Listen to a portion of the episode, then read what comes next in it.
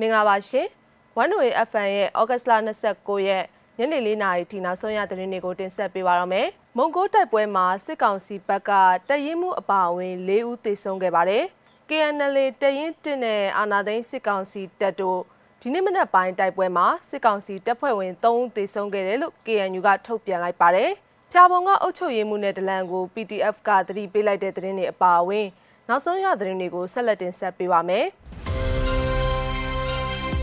ထမောင်းဆုံးသတင်းတစ်ပုဒ်အနေနဲ့ရှမ်းပြည်နယ်မြောက်ပိုင်းမူဆယ်ခရိုင်အတွင်းကိုကန့်နဲ့ကချင်တပ်မတော်ပူးပေါင်းတပ်တွေနဲ့စစ်ကောင်စီတပ်အကြားတိုက်ပွဲမှာစစ်ကောင်စီတပ်ဘက်ကတရင်မှုအပါအဝင်၄ဦးသေဆုံးခဲ့ပါတယ်။မနေ့ကဩဂတ်စ်လ28ရက်နေ့လယ်12နာရီကနေမိုးလွယ်3နာရီချိန်လောက်အထိမူဆယ်ခရိုင်မုံကိုမြို့မန်ခွန်ရွာအနီးမှာ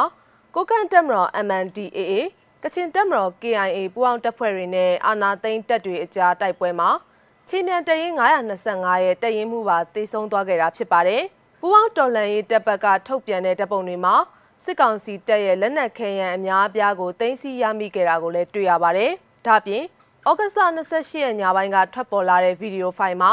တေဆုံးနေတဲ့စစ်ကောင်စီတပ်သား၄ဦးကိုလည်းပြသထားတာဖြစ်ပါတယ်။အဲ့ဒီတိုက်ပွဲဖြစ်ပွားခဲ့တဲ့ဒေသကိုစစ်ကောင်စီချင်းမြန်တရင်စနစ်ကထိုးစစ်ဆင်လာရမှာ ဒီနေ့ဩဂတ်စ်လ29ရက်မနက်6နာရီလောက်ကတိုက်ပွဲဆက်လက်ဖြစ်ပွားနေခဲ့ပါတယ်။မုံကိုပန်ဆိုင်ဒေသမှာစစ်ကောင်စီတပ်တွေနဲ့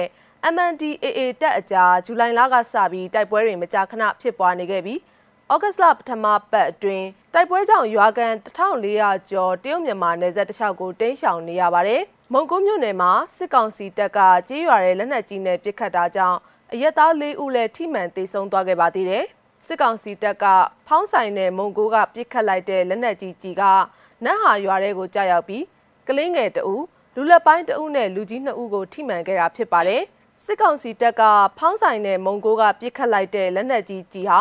နတ်ဟာရွာထဲကိုကြာရောက်ပြီးကလင်းငယ်တအူလူလက်ပိုင်းတအုပ်နဲ့လူကြီးနှစ်ဦးကိုထိမှန်ခဲ့တာဖြစ်ပါတယ်လက်နက်ကြီးကအိမ်ပေါ်ကျသွားတော့ဆက်ဆချင်းက3ယောက်ပဲသေးတယ် ပြီးမှတယောက်ထပ်သေးတာပါလို့ဒေသခံတအူကပြောပါတယ်။နတ်ဟာရွာဟာဖောင်းဆိုင်တဲ့မုံကိုကြားမှာရှိပြီးတအောင်းပလောင်လူမျိုးတွေအများစုနေထိုင်တဲ့ကျေးရွာတရွာဖြစ်ပြီးတော့တိတ်ဆုံးသူတွေကလည်းတအောင်းလူမျိုးတွေဖြစ်ကြပါတယ်။နောက်ထပ်သတင်းတစ်ပုဒ်အနေနဲ့ကရင်မျိုးသားလူမျိုးရေးတပ်မတော် KNL တပ်ရင်းတင်တဲ့စစ်ကောင်စီတပ်တို့ဒီနေ့ဩဂတ်စ်လ29ရက်မနက်ပိုင်းကတိုက်ပွဲဖြစ်ပွားခဲ့ရမှာ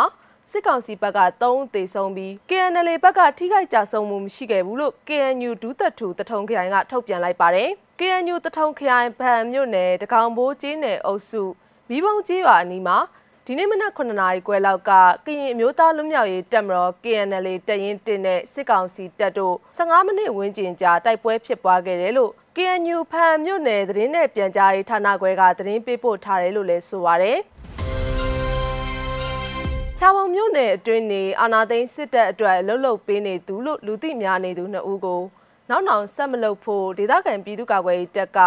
လူမှုကွန်ရက်ကနေတဆင့်တတိပေးလိုက်ပါတယ်။ AR တိုင်းဒေသကြီးဖြာပုံမြို့နယ်ချောင်းဝကြီးရွာနေဦးထေးလွင်နဲ့တမန်ကြီးရွာနေဦးစိုးထွေးတို့ကိုဒလန်အဖြစ်ကနေရက်နာဖို့ဖြာပုံ PDF လူငယ်အဖွဲ့ကစာတစောင်းကြီးစံ6တောက်လက်ပစ်ပုံတစ်လုံးတို့ပါဝင်တဲ့ဓာတ်ပုံကို Facebook မှာထုတ်ပြန်လိုက်တာပါ။ ချောင်းဝကြီးရွာရဲ့အုပ်ချုပ်ရေးမှူးဦးထေလွင်ကိုတို့ထေလွင်ချောင်းဝကြီးရွာဖြာပုံမြို့နယ်စစ်တပ်ကိုသတင်းပေးနေတဲ့အပြင်ကြီးရွာထဲမှာထောက်ခံစာအတင်းတောင်းပြီးလူတွင်ကျဲလုံနေမှုကိုရက်တန်းကရက်ဖို့တတိပေးလိုက်တယ်လို့အဲ့ဒီတတိပေးစာမှာရေးသားထားပြီးတမန်ကြီးရွာမှာရက်ဆိုင်ဖွင့်ထားသူဦးစိုးထွေးကိုတော့တို့စိုးထွေးဖြာပုံဖြာပုံတမန်ကြီးရွာ